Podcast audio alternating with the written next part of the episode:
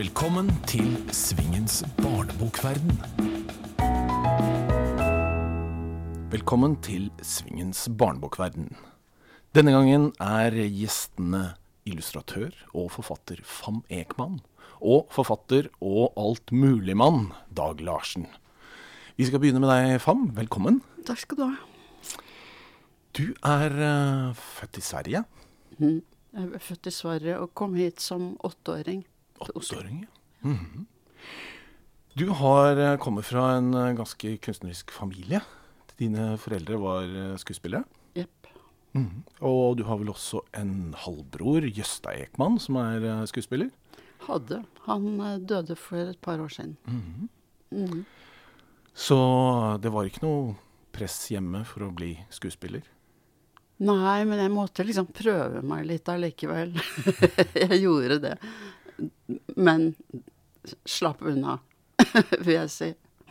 Ja, for du kom da hit som åtteåring sammen med moren din. Ja. Og hun gifte seg med Toralf Maurstad. ja.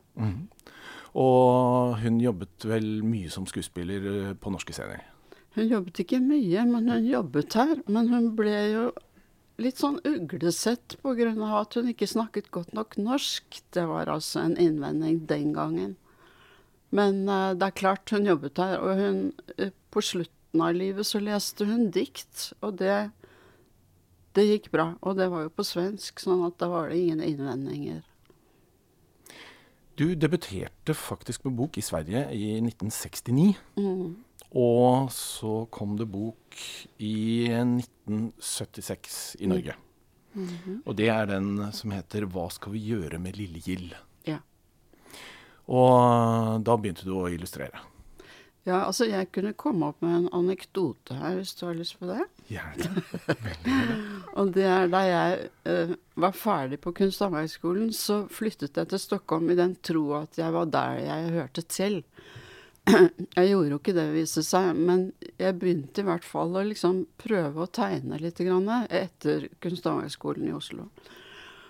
Og så visste jeg jo ikke hva jeg skulle bli, sånn at jeg leste aviser og tenkte er det ikke noe uh, stilling ledig her? Og så var det en sånn redaktørstilling ledig. Så tenkte jeg det er noe for meg, tenkte jeg. Ikke for at jeg hadde så veldig stor liksom eh, selvfølelse, men fordi jeg ikke visste bedre. Så jeg marsja av gårde til forlaget i den tro at jeg skulle bli redaktør. Og da sa de hm, men hva har du med deg der da, sa de. Og så hadde jeg altså med meg noen tegninger for å vise at jeg var interessert i barnebøker. Og så sa de gå heller hjem og gjør dette ferdig. Og så gjorde jeg det. Og så ble det min første bok i Sverige. Sånn var den anekdoten. Forlaget gikk konk, for øvrig. Det gjorde de. Men siden har det jo blitt mange bøker. Ja. Og jeg er jo virkelig stolt av å ha deg her, for du er jo virkelig en av de store fornyerne av bildeboka i Norge. Hvordan ble det bildebøker for deg? Da- må jeg tilbake til da hvor jeg slapp her. Hvor når jeg kom til Stockholm etter å ha vært i, på Kunsthåndverksskolen, så gikk jeg på boklinjen, rett og slett. Og da ble det og har alltid vært liksom det jeg har eh, hatt nært. Så det, dette har vært med meg hele veien. Det har jo blitt eh, mange bøker etter hvert. Eh, men jeg ser jo at noen eh, mener at det finnes noen fellesnevnere ved bøkene dine. F.eks. at du ofte tar utgangspunkt i eventyrmotiver og dyrefabler. At du kan være ganske minimalistisk. At du har en naivistisk og stilisert stil. Jeg vil gjerne ha dine kommentarer på dette. På alle de? det stemmer sikkert. Det er vel eh, en, en karakteristikk som folk har funnet eh, frem til. Jeg vokste opp med mye bilder på veggene. Pappa var glad i malerier, og det har gjort veldig sterkt inntrykk. Og det var surrealistisk, naivistisk kunst Sverige på den tiden, 40 30-40-tallet. Så det er det som er på en måte grunnen i meg. Og så sitter jo ikke jeg og jobber meg frem til at det skal være minimalistisk, eller at det skal være noe som helst annet enn at det føles riktig. Så da er jeg landet i det landskapet der. Men du er ofte litt sånn, skal vi si, ensomme hovedpersoner. Hva er det som er fascinerende med det? Det er ikke spesielt fascinerende. Det er bare det blir sånn, det òg. Det er vel meg, det òg. Hva legger du i begrepet allalderlitteratur? Det er noe som er kommet til å bli et fenomen etter hvert, virker det som. Og glad er jeg, for da slipper vi at det skal være for enten bitte, bitte små barn eller osv. Så sånt noe. Så det, det er en Jeg håper at det er gangbart, på en måte. På hvilken måte tenker du på mottakeren når du uh, lager en ny bok? Mindre enn jeg burde. Jeg gjør det for først og fremst fordi jeg syns at det er uh, At jeg skal gjøre dette her, har jeg fått for meg. Og uh, bare fortsette med det. Kan du si noe om utviklingen av din egen strek fra 70-tallet og fram til i dag? Ja, den første boken i Norge het jo 'Hva skal vi gjøre med lille Gild?' og var jo veldig sånn der finslig, skrapeaktig, influert av Finn Graff den gangen. Men veldig lite liksom Ja, nå ble jo det en bok som har levd videre, til tross at den er så finslig av seg. Og det er jo ikke bare pga. at den er sprø liksom, i tegningene, men at det er andre ting i den som uh, holder uh, over tid. Men etter hvert så har jeg jo gikk jo senere da på Statens kunstakademi og ble billed... uh, på en helt annen måte. Som jeg syns jeg trengte. Men dermed så forlot jeg jo også denne skjøre verden. Så nå ble det mer uh, tæl i det hele. Og det Av og til så tenker jeg at jeg vil tilbake. Det går ikke, selvfølgelig. Jeg er der hvor jeg er nå. Mm. Og jeg er Det blir sånn som jeg føler riktig. Det lander liksom hele tiden på at Men som sagt, det er ikke gitt en gang for alle at det skal være sånn som dette. Kanskje jeg går, går tilbake.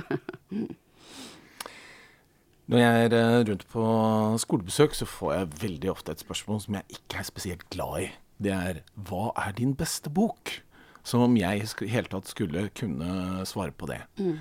Og det har jeg selvfølgelig ikke tenkt å stille deg. Men, men det spørsmålet som eh, jeg kanskje syns hadde vært interessant noen ganger, er jo da hvilken bok er det som har betydd mest for meg av mine egne? Mm.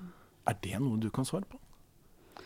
Ja, altså av at jeg har laget bøker over såpass lang tid, så, er, så speiler jo dette for meg de forskjellige tidene i mitt liv. Og noen tider har vært mer bedre enn andre. sånn at jeg har jo eksempel har jeg en bok som, som jeg har litt sånn spesielt forhold til, og den het Hils morfar den eh, er jeg glad i. Den, den betyr noe, syns jeg. Fordi den var annerledes gjort for min side. Og den var ikke egentlig var ikke, Det var ikke tegnet heller, så jeg slapp å gjøre noe selv. Jeg bare klippet. Og så er Lille Gild må jo nesten være på plass uh, uansett, syns jeg nok.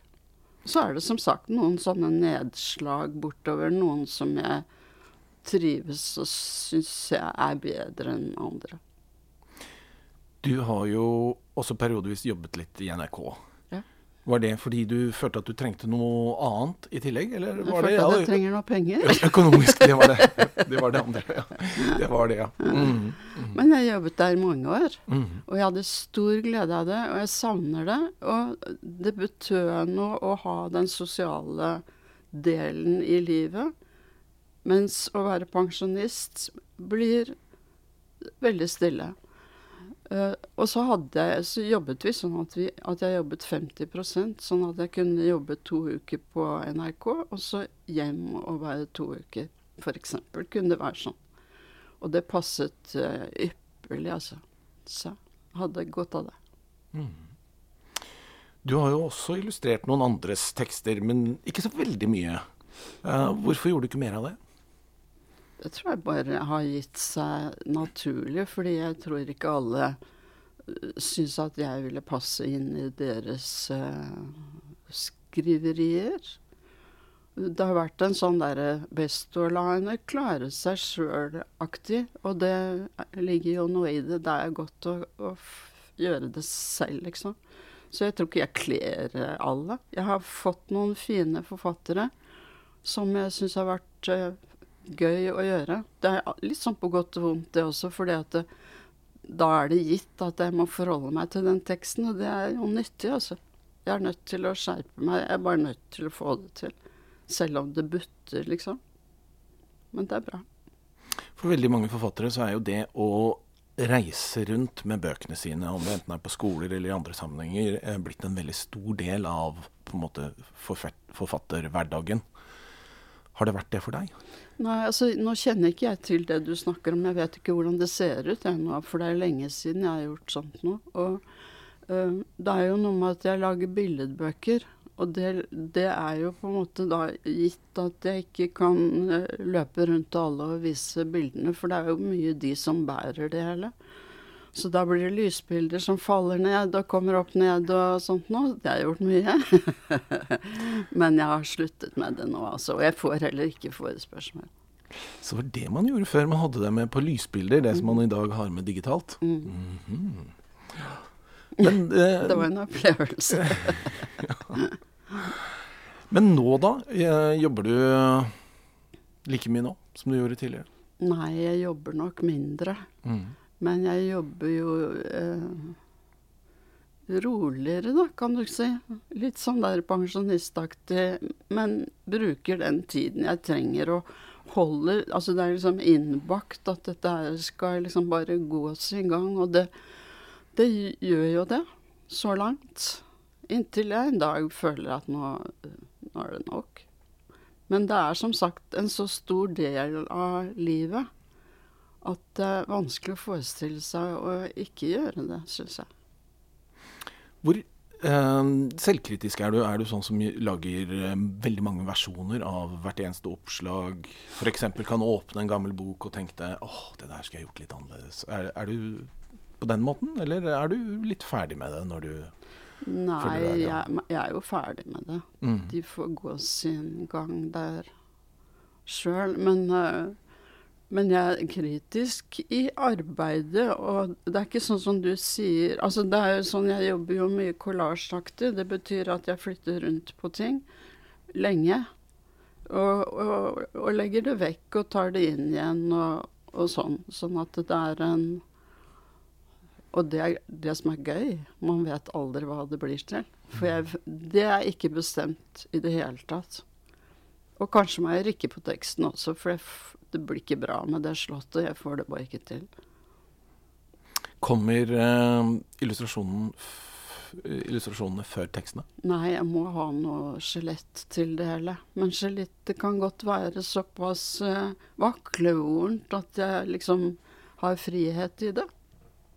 Men jeg kan ikke starte opp med ingen Jeg kan starte opp med ingen verdens ting, men da blir det jo ikke noe heller. Jeg må men, på en måte vite noe. Men likevel, når du jobber med den teksten, ser du da vis, noe visuelt for deg på en måte fra dag én? Det kan godt hende, men det blir ikke sånn. Det blir ikke sånn. Det kan ikke bli sånn. Du er jo um, definitivt veldig nyskapende når det gjelder uh, bildeboka. Um, hvordan opplever du at det kommer ut mye nyskapende av det som er bildebøker i dag? Av andre? Nå følger jeg ikke like godt med som jeg gjorde en tid. Så um, det er jo noe at livet går sin gang, og de nye kommer og gjør sitt. Og det er jo spennende å se hva som blir gjort. Jeg, såpass er jeg med. Men, men det er jo også nye tider. Det er mye teknikk, syns jeg det ser ut som som ikke er så innmari glad i, selv om jeg selv benytter meg av det, så, så må det ikke bli helt maskin heller. Uh, men som sagt, nye tider. nye tider. Og jeg, jeg har nok hatt det bra i den tiden jeg har levd, så jeg vet ikke hvor stort rom man har nå. Altså pendelen svinger, plutselig skal det ikke være så rart og uh, uforståelig lenger, men nå skal det være liksom rettet for de man har bestemt seg for at det skal være, nemlig barna, kanskje. Mm. Mm. Så du mener rett og slett at det er vanskeligere å få ut de såkalte allealdersbøkene i dag? Det, det kan jeg ikke si. Nei, jeg er på gyngende grunn her, skjønner jeg. Vet du hva, jeg syns at da skal vi få inn en som uh, pleier å ha litt oversikten over hvordan ting er i norsk uh, barne- og ungdomslitteratur, nemlig Dag Larsen. Kommer inn her i uh, studio nå. Og så velkommen, Dag. Tusen takk. Hva er det jeg skal halsen her? Hmm. Ja, jeg kan jo rett og slett gi spørsmålet til deg. Hvordan er, er, det vanskeligere å få ut alle aldersbøker i dag? Hvordan har ting forandret seg innenfor bildeboka, som du ser det? Ting har forandra seg mye innenfor bildeboka i den forstand at teksten er blitt mindre og mindre. Og bildene er blitt mer, mer, og mer fortellende og tatt over mer. Altså med mer sånn visuell vending i hele, hele barnelitteraturen. Men om det er vanskeligere å få ut alle alderbøker, det er jeg ikke så sikker på. altså. Hvis de er gode nok, så kommer de ut. Det er mitt inntrykk. Um, det er jo det er jo sånn som Prøysen sa en gang, at det er en god barnebok kjennetegnes jo ved at um, det er noe der for de voksne også. Ja, helst. Mm. Vi hører jo stadig at uh, norske billedbøker står veldig sterkt internasjonalt. Har du noe inntrykk av hvordan situasjonen er uh, der for tiden? Ja, de står, de står sterkt. Men på den annen side så er det litt rart i Norge. Det er veldig mange fine bildebøker i mange andre land som overhodet ikke fins i Norge. Uh, jeg, hvis jeg er i Bologna, så går jeg gjerne og ser på den argentinske standen og sånne ting. Og ser på den spanske, italienske og koreanske, og så ser jeg at jøye meg, altså. Mm. Det er fantastiske bildebøker som kommer. Uh, og det er litt sånn trist uh, i Norge at 60% av barnelitteraturen er oversatt, men 43% av dem er oversatt fra engelsk språk. Og det betyr at vi får et veldig sånn ensidig kulturimpuls, og det tror jeg også slår ned i bildebøkene fordi de også er kostbare. ikke sant? Men er det ikke også litt sånn at en del um, bildebøker som kommer ut i de skandinaviske land, uh, ville hatt store problemer med å bli utgitt i en rekke andre land? Jo, det har jo vært en del tilfeller av sensur og sånne ting også, men, men uh, Eh, jeg må jo si at uh, hvis jeg ser på et lite forlag som Magikon f.eks., så gjør jo de det innmari bra med bildebøker utenlands. Uh, og det skyldes kanskje også eieren og redaktøren Svein Størksen og måten han jobber på, kompetansen hans. Men uh, jeg har ikke inntrykk av at det står dårlig til når det gjelder å få profilert norsk litteratur i utlandet og bildebøker. For det, agentkontrakten gir jo ikke så mye penger, vet du. Nei, det er der. Hvordan har det gått med dine bøker internasjonalt? Da har vi jo vært vært de skandinaviske landene som har vært aktuelle. Mm. Og eh, selv om Lille Gild kom ut på japansk, så begynner det å bli ganske mange år siden nå, også. Men det er stille. Mm. Men ellers, som sagt, Sverige, Danmark eh, og sånn har vært mine land eh, så langt. Mm. Vi skal jo komme mer tilbake til forfatterutdanningen, som du har hatt ansvaret for i dag. Men hvor, mm. jeg vil likevel foregripe litt, for uh, siden vi har faen meg nå. Hvor stor del av er bildebøkene på forfatterutdanningen? Ja, de er jo en den, altså Folk velger jo sånn, velger hovedprosjekter og sånne ting å jobbe med. Og en god del av de som gjør det er, som studenter, er jo også illustratører. Og det er jo, det er jo litt interessant. At vi får flere illustratører som gjerne vil gå inn i skrivefaget dypere. Eh, det er en god del av utdanninga. Altså det, er en, det, er en, vesentlig del av hvordan, eh, hvordan, vi utdanner eh, innenfor selve faget og det å skrive. Så bildebøker har vi, har vi flere samlinger på. Og veldig mye tekstarbeid. Sånn skriveverkstedsarbeid er jo egentlig sånn retta kanskje mer mot bildebokmediet enn mot uh, romanmediet. Uh, F.eks. Eli Hovdenak, som har vært student tror den der, eh, en, en, av bøkene hennes ble unnfanget på et skriveverksted. Så det, det, kommer fordi det er et sånt, det er, det, det er en måte å skrive på i, eh, i utdanninga der som er litt sånn impulsaktig. Og da kan det komme fram bildeboktekster. Eh, men illustrasjonsarbeidet er ikke vi inne i. Annet enn at vi er inne i det på, på, på diskusjons- og analysestadiet og sånne ting. Men det å jobbe med illustrasjon gjør vi ikke. Det er det kunsthøgskoler som gjør, og universiteter. Mm. Fam, jeg skjønner det sånn at du har tatt utdannelse i to bolker.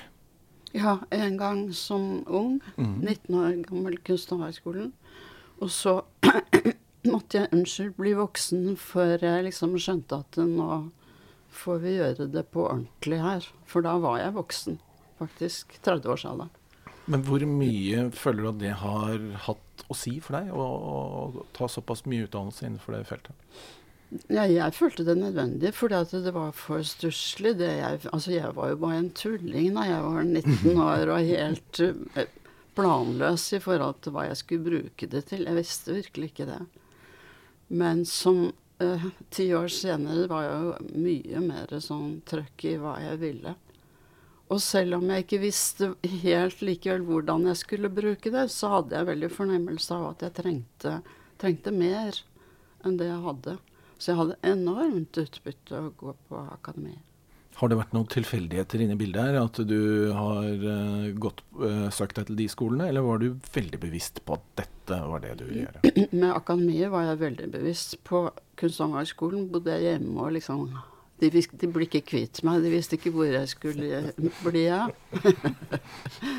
Så jeg gikk rundt der i fiolette skjørter og, og sånn. Og ante ikke hva jeg skulle. Jeg har bedt dere om et spørsmål til hverandre. Og da tenkte jeg vi skulle begynne med ditt spørsmål, Dag, til FAM. Ja, jeg er jo veldig glad i FAMs bøker. og Seinest kjøpte jeg vel også et bilde fra utstillinga du hadde. 'Ryddepiken', hvis du husker den. Ja. Hun er jeg veldig glad i. Eh, men det er en bok som jeg har brukt i undervisning eh, som både som eksempel for eh, som bildebok og egentlig poesi. Og det er uh, 'Kall meg onkel Alf'. Men, uh, og det, grunnen, til, grunnen, til, at jeg spurte noen studenter hva, hva, hvilke assosiasjoner får dere på den tittelen. Og så sa de liksom ja, Alf Prøysen. Ja, ja, ok. Men jeg får uh, litt sånn uh, Paul Simon og oh, ja. assosiasjoner. You can call me Al, ikke sant? men det er, så, det er, kanskje ikke så veldig viktig. Men det du gjør med teksten i den boka, er jo egentlig, det er jo egentlig en poetisk tekst. Mm. Eh, hvordan jobba du fram den? Det kan du spørre om. Mm. Fordi det, det, er jo noe som jeg også har tenkt på. Hvor, hvor kom egentlig dette fra? Hvor, hvorfor ble teksten her såpass sånn uh, holdbar i seg selv? Og det kan jeg ikke svare på, annet enn at jeg var inne i en annen fase. Både den boken og 'Hils morfar', eller hva det nå het, er tekstlig liksom mer interessant enn det har vært egentlig både før og etter, tror jeg. Og det var en ny fase i livet, rett og slett. Altså, som, uh, det forandret bildene, jeg gjorde det på andre måter, og jeg turte liksom å gå inn i en sånn der litt annen verden. Ja. De henger jo tett opp mot bildene, selvfølgelig, men jeg kunne også ta ut hele teksten og så sette den opp sånn som den sto. For den er strofeorganisert. ikke sant? Hva er dette? Jo, det er jo søren meg et langt, fint dikt. Jeg tror jeg leste den opp i en eller annen forbindelse, faktisk, bare som tekst. Ja. Jeg burde lage mer tekst. ja, super. Det er du ikke aleine om. Fam, skal vi ta ditt spørsmål til Dag? Ja, det gir seg jo selv her, det, ikke sant? ja, Dag, når kommer din neste bok? Det veit jeg ikke, men uh, den, uh, det er to-tre stykker som er under arbeid, så får vi se hvem av dem som holder. Okay. Men uh, poenget er at jeg har hatt så dårlig tid, lite tid, mm. og gjort helt andre ting enn å skrive. Og jeg har egentlig syntes det har vært litt ålreit. Mm. Um, det, er liksom, det er et sånt uh, sverd som henger over hodet på forfattere, at jeg, de må til enhver tid skrive og være forfattere. Jeg har ikke sett det sånn. Så deilig. Jeg har tenkt at uh, ja, jeg kan gjøre andre ting også. Uh, og bruke den erfaringa jeg har som forfatter. Men ja, jeg skriver på to-tre ting. Ja. ja.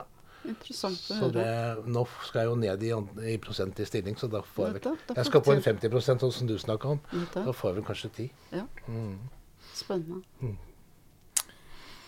Da skal vi si tusen takk til deg, Fan, for at du kom. Takk skal du ha. Skal du få lov å sette deg i den gode stolen, og så skal vi eh, konsentrere oss eh, litt om deg i dag. Og eh, jeg syns eh, vi skal snakke om disse tingene som kommer litt i veien for skrivinga di. Og det er jo at du, du elsker jo åpenbart å både skape ting og, og kanskje noen ganger lede ting. Altså du er jo da ja, kan jo nevne i fleng. altså Du er jo tidligere leder av NBU.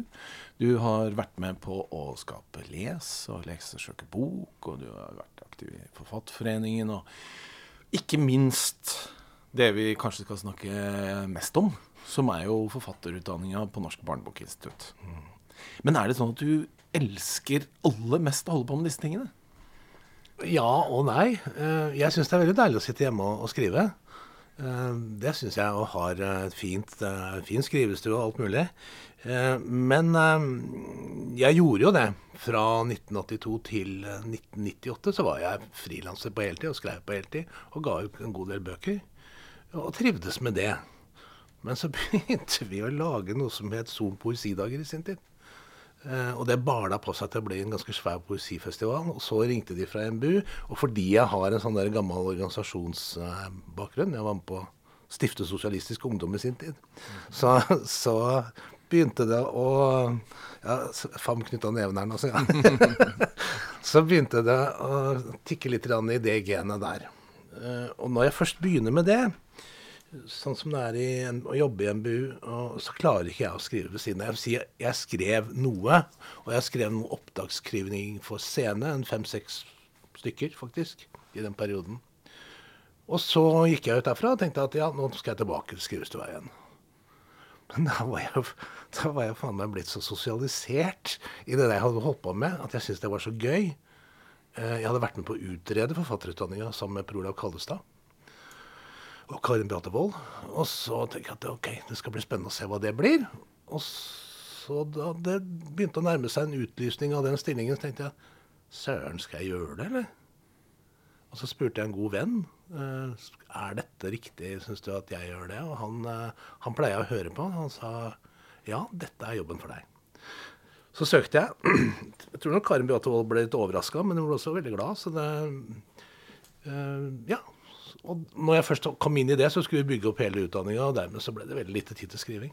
Men det har vært utrolig moro. Jeg mener en, det å kunne dele eh, erfaringer med andre og nykommere, og det å også hente inn kolleger, undervisere som du veit er flinke, det å kunne peke i, i forskjellige retninger innafor litteratur til folk som vil skrive. For meg er den, eh, Og det å formidle i det hele tatt, for meg er det ikke noen motsetning til det å skrive. Det er en del av det å være forfatter. Men i starten var vel dette en slags prøveordning. Ja. Var du sikker på at det kom til å bli en eh, fast post på statsbudsjettet? Ikke når jeg så antall søknader én dag før eh, opptaksfristen. da var det liksom åtte søknader. Så det var herregud. Og så kom det liksom 90 søknader. Ja. Nei, jeg var, eh, jeg var i grunnen underveis eh, mer og mer sikker på at det var riktig. Men vi prøvde ut noen modeller, og så fant vi den modellen som vi i grunnen har jobba med siden. da. Det har jo vært eh, relativt mange gjester i denne podkasten som har gått forfatterutdanningen. Mm. de er jo positive, de tør, eller de tør i hvert fall ikke si noe annet. Men hvilken betydning føler du at utdanningen har hatt for barnebokfeltet i Norge? Ja, altså, kan gå statistisk til verks og si at 68% av dem har gitt ut. For um, i papirbok, scene, skjerm. eh, 52% av dem eh, har gitt ut flere bøker. Så eh, det betyr at det er, eh, det er eh, flere som etablerer forfatterskap. Ja, jeg tror det har hatt en betydning. Jeg tror nok det. Men jeg skal ikke overvurdere den betydningen. fordi at dette er mennesker som kommer ut med sine uttrykk, og de er nokså forskjellige.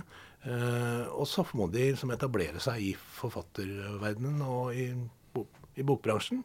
Og det er en helt annen greie. Utdanninga vår er et laboratorium. Det skal det være. For den kritikken som veldig ofte kommer mot forfatterutdanningen, er jo at det produseres veldig like bøker. Eh, hvordan var dere gjort for å unngå det? Jeg har hørt den kritikken komme også. Eh, en interessant artikkel av Ida Jackson. Eh, men svakheten med artikkelen er at du kan ikke si hvilke bøker som ligner på hverandre. Uh, og jeg har lest dem alle, og jeg syns uh, Ja, det er noen som kanskje ligner på hverandre, men langt fra alle. Det vi jobber mest med, er å finne ut sammen med hver enkelt student hvordan jobber du, hvordan skriver du, og så prøve å reindyrke det. og så er det klart at innafor romanskriving så så er det jo, og særlig innenfor ungdomslitteratur, så er det nok eh, veldig mye som er prega av dramaturgi fra film, filmverdenen. Det, det ser jeg når jeg leser ungdomsbøker. Ja. Og det slår nok ned, men det slår nok ikke så hardt ned hos oss som det slår ned når de kommer i forlagene. Ikke sant? Så det, er, det, det vi, når de kommer ut, det er veldig få som kommer ut av den utdanninga med et ferdig manus. Som man bare kan gå rett i trykk. Nesten alle kommer ut med et førsteutkast. Og vi er tydelige på å si til dem at nå må dere jobbe med forlagene, og det er noe helt annet. Så de har henta at de har skrevet, skrevet om sju ganger og sånt. ikke sant? Mm. Og det syns de Noen syns det er forferdelig, andre syns det er veldig gøy. Uh, så jeg, nei, jeg, jeg, jeg, har hørt den kritikken. Jeg har hørt den også mot Skrivekunstakademi i Bergen og mot uh, utdanninga i Bø. Den er veldig lite treffende, syns jeg. fordi da må man klare å si er den og den og den og den boka ligner faktisk litt for mye på hverandre. Eh, men jeg syns at det er innafor barne- og ungdomslitteratur så er det jo tross alt sånn at det veldig mye ligner på hverandre. Hvorfor er det så få menn på utdanninga? Ja, det kan du spørre om. Det vet jeg ikke. Det er rett og slett få søkere, det er det du sier. Men, men ja. Eh, hvorfor er det så få søkere? Nei, jeg har merka en dreining i hele barne- og ungdomsbokfeltet som er blitt mer uh, kvinnedominert. Da du og jeg satt i styret sammen i Norske barne- og ungdomsbokforfattere, så var det 50-50. Det er det ikke lenger. Så De skyldes veit jeg ikke, men eh, i det kullet som er nå, så er det fem menn. Så det er, liksom, det er toppen, da. Uh, og nå er det 13 som fullfører, så i og for seg er det ganske bra. Men det er for få gutter som uh, Jeg tror det er for få gutter som vil skrive, ja, altså. Få menn. Eller tror du det har noe med at menn ofte vil klare dette selv? Det, ja, det, det kan nok hende. Og så kan det hende at en del menn er veldig prestisje... Uh, retta og si at barnebøker Ja, OK, da, men jeg vil skrive den store voksenboka. Eh, jeg husker veldig godt Øyunn Krokan i Gyldendal sa da innkjøpsordningen kom på plass i 1978 for barnelitteratur. Da sa hun en ting til meg, for da var jeg sånn ny forfatter på, på barnebøker. Nå kommer mennene, sa hun. For nå kommer pengene. Og det er helt presist. Men du sa jo at 68% var det det, som mm. hadde debutert med bok etter uh, utdanningen. Og det er jo klart, dere har jo fantastiske lærere og konsulenter, og de får jo virkelig uvurderlig hjelp. Mm. Men hva når den boka er ute, og de står der som uh, debutanter? Får de noen hjelp etter det, eller er de da på bar bakke og det, de må jobbe ensomt og med forlagene? Nei, hvis de vil, hvis de vil komme og diskutere et manuskript eh, med, med, sine medstudenter eller noen av oss som jobber på instituttet, så er de velkommen. Og det er noe av det jeg skal jobbe med nå seinere, og begynne å få på plass det vi kaller alumni-arbeidet. Altså tidligere studenter. Jeg tenker meg at det kan være grupper av studenter som jobber sammen. Ja. For jeg har ikke noe utdanning. Jeg har en ufullført artium, det er det jeg har. Også, eh, men jeg satt i 15 år på eh, Son Kro sammen med poeten Sigmund Mjelve og poeten Arne Ruste. Og vi hadde ukentlig seminar, fordi Sigmund han kunne ikke gi ut en bok uten å ha gjennomdiskutert den. Så han hadde forberedte innlegg over en øl. Og dette varte i 15 år. 10-15 år. holdt vi på sånn. Og det For meg som ung forfatter så var det en kolossal utdanning. Han var en veldig belest herremann, og Arne Ruste likeså. ikke sant? De er jo eldre enn meg. Så den, det, det, seminaret der, eh, kaféutdannelsen som vi kan kalle det, den er veldig undervurdert. Uh, og er, jeg tenker at uh, det er kanskje noe som tidligere studenter burde gå inn i. Det er en veldig fin måte å jobbe på. Og ikke måtte ta alle, ta alle sorger aleine, liksom, og alle spørsmål aleine, men kunne gå inn i en sånn dynamisk, uformell diskusjon. Men når det kommer et det, nytt kull med studenter, er det sånn at dere ser veldig raskt hvem uh, de virkelig gode talentene er? Nei. Nei, det gjør vi ikke. Det tar tid? Det tar tid. Mm. Uh, der, der, har vi Altså, dette er jo, dette er jo en geskjeft med mye feilmarginer. Så nei, det gjør vi ikke. Men det vi spør alle sammen om når de er inne til intervju, som er blitt aktuelt for å ta inn til intervju, da, så, så er mitt spørsmål veldig enkelt. Er du nødt til å gjøre dette her? Men føler du at uh, i og med at 68% er en ganske høy uh, prosentandel, altså mm. faktisk får utgitt bok, mm. føler du at de liksom blir forespeilet at går du her, så får du utgitt bok? Nei. Nei. Nei. Det, nei, jeg sier at dette er ikke et sted hvor du skal jobbe for å få utgitt en bok. Dette er et sted hvor du skal forsøke å finne ut åssen du skriver. Mm. Det er det primære. Men det er klart, de er bokfokusert. De har et mål.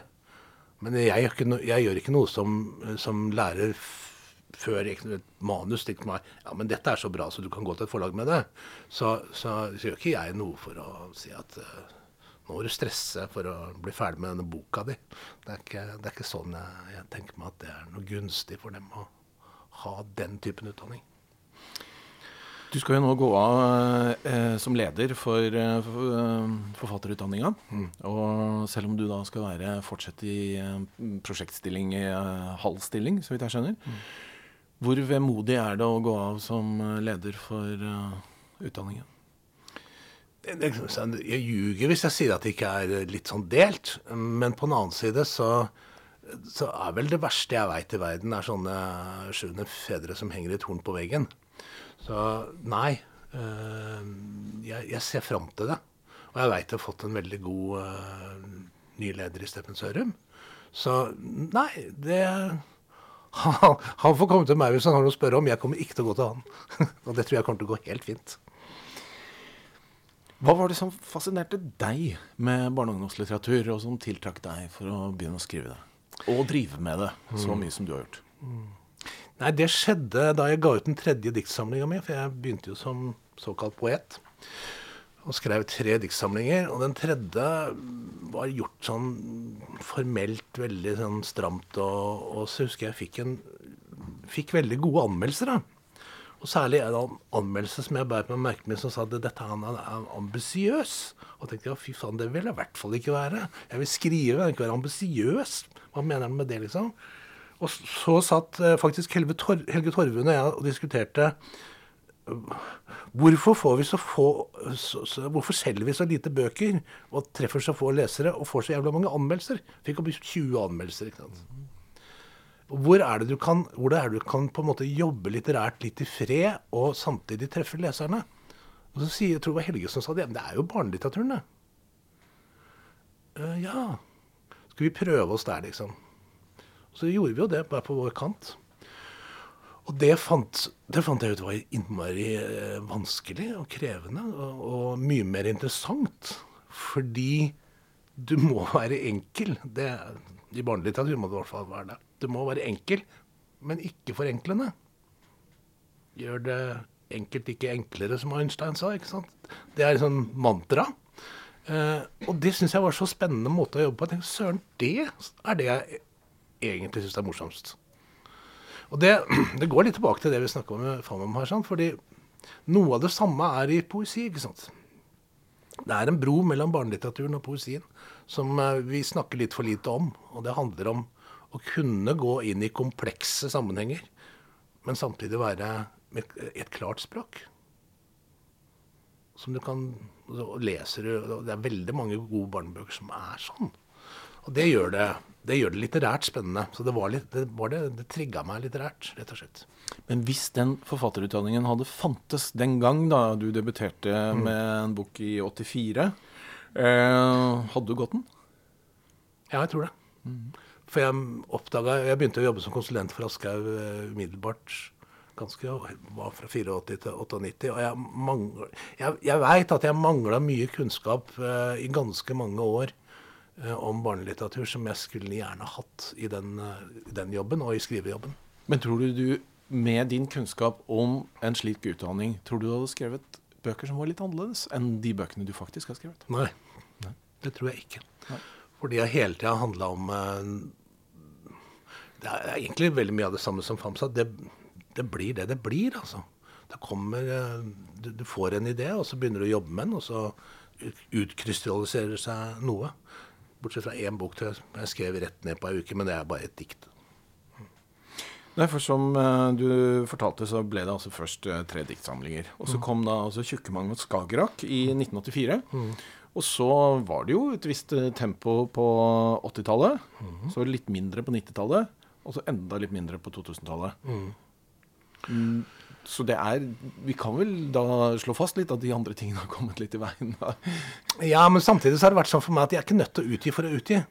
Jeg, jeg, har, jeg, jeg utgir hvis jeg har noe å melde. Og det tror jeg, det, tror jeg for, altså, det, er to, det er mange måter å være forfatter på. Uh, og jeg har, ikke, uh, jeg har ikke sett det som min oppgave å, å gi ut mye, uh, men heller gi ut når jeg har lyst til å gi ut.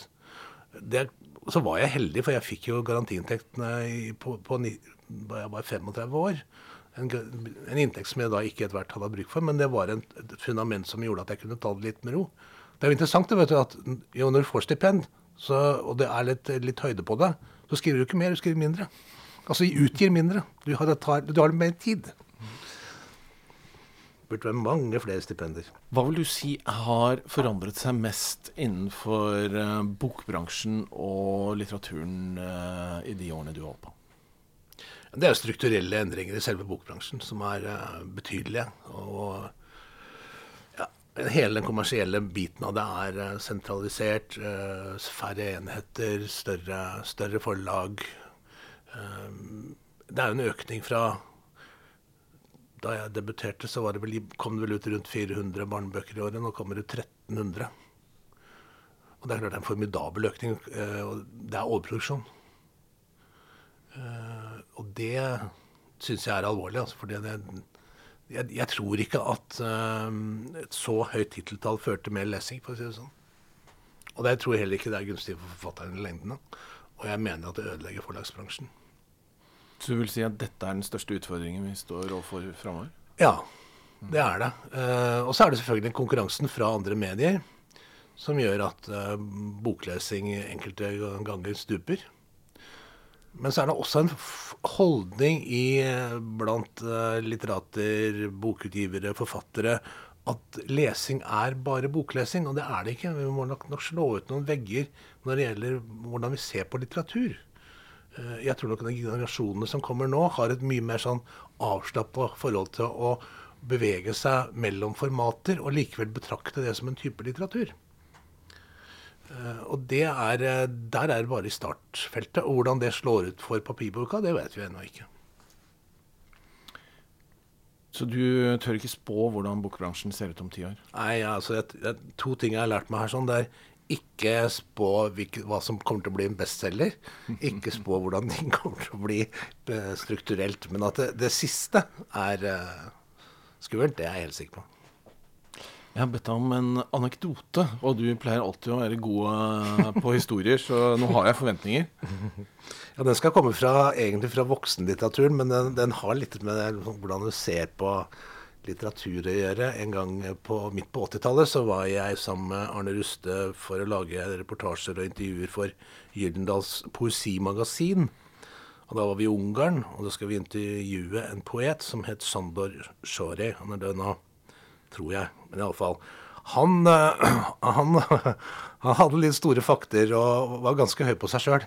Og vi intervjua han hjemme i leiligheten hans. Um, men han var veldig god poet, altså. Eh, og så stilte jeg han et innledende spørsmål omkring eh, om det å skrive.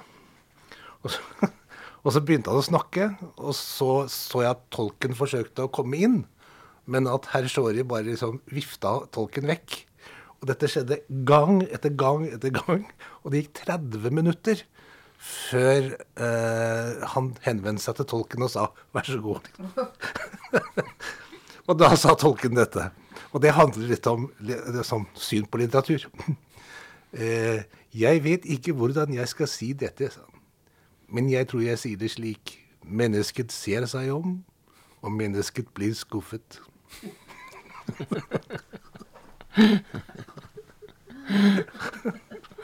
Ja, ja. Da var det bare å spørre hvor, hvor er toalettet?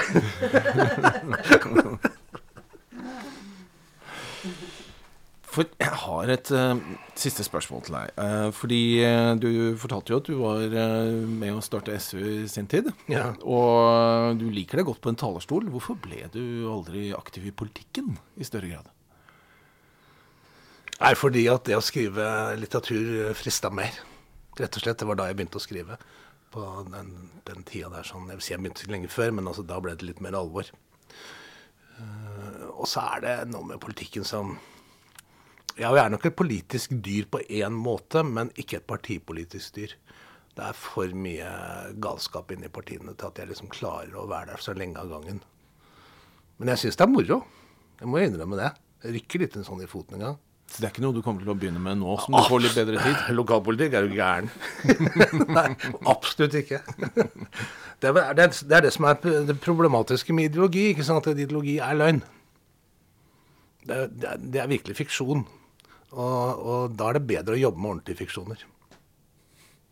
Det syns jeg var en god måte å avslutte denne episoden på. Da sier jeg tusen takk til deg i dag for at du kom. Takk til Fam Ekman. Og Svingens barnebokverden er tilbake om en måned, og da blir det en livesending fra Lillehammer. Vi høres. Du har hørt på Svingens barnebokverden med Arne Svingen.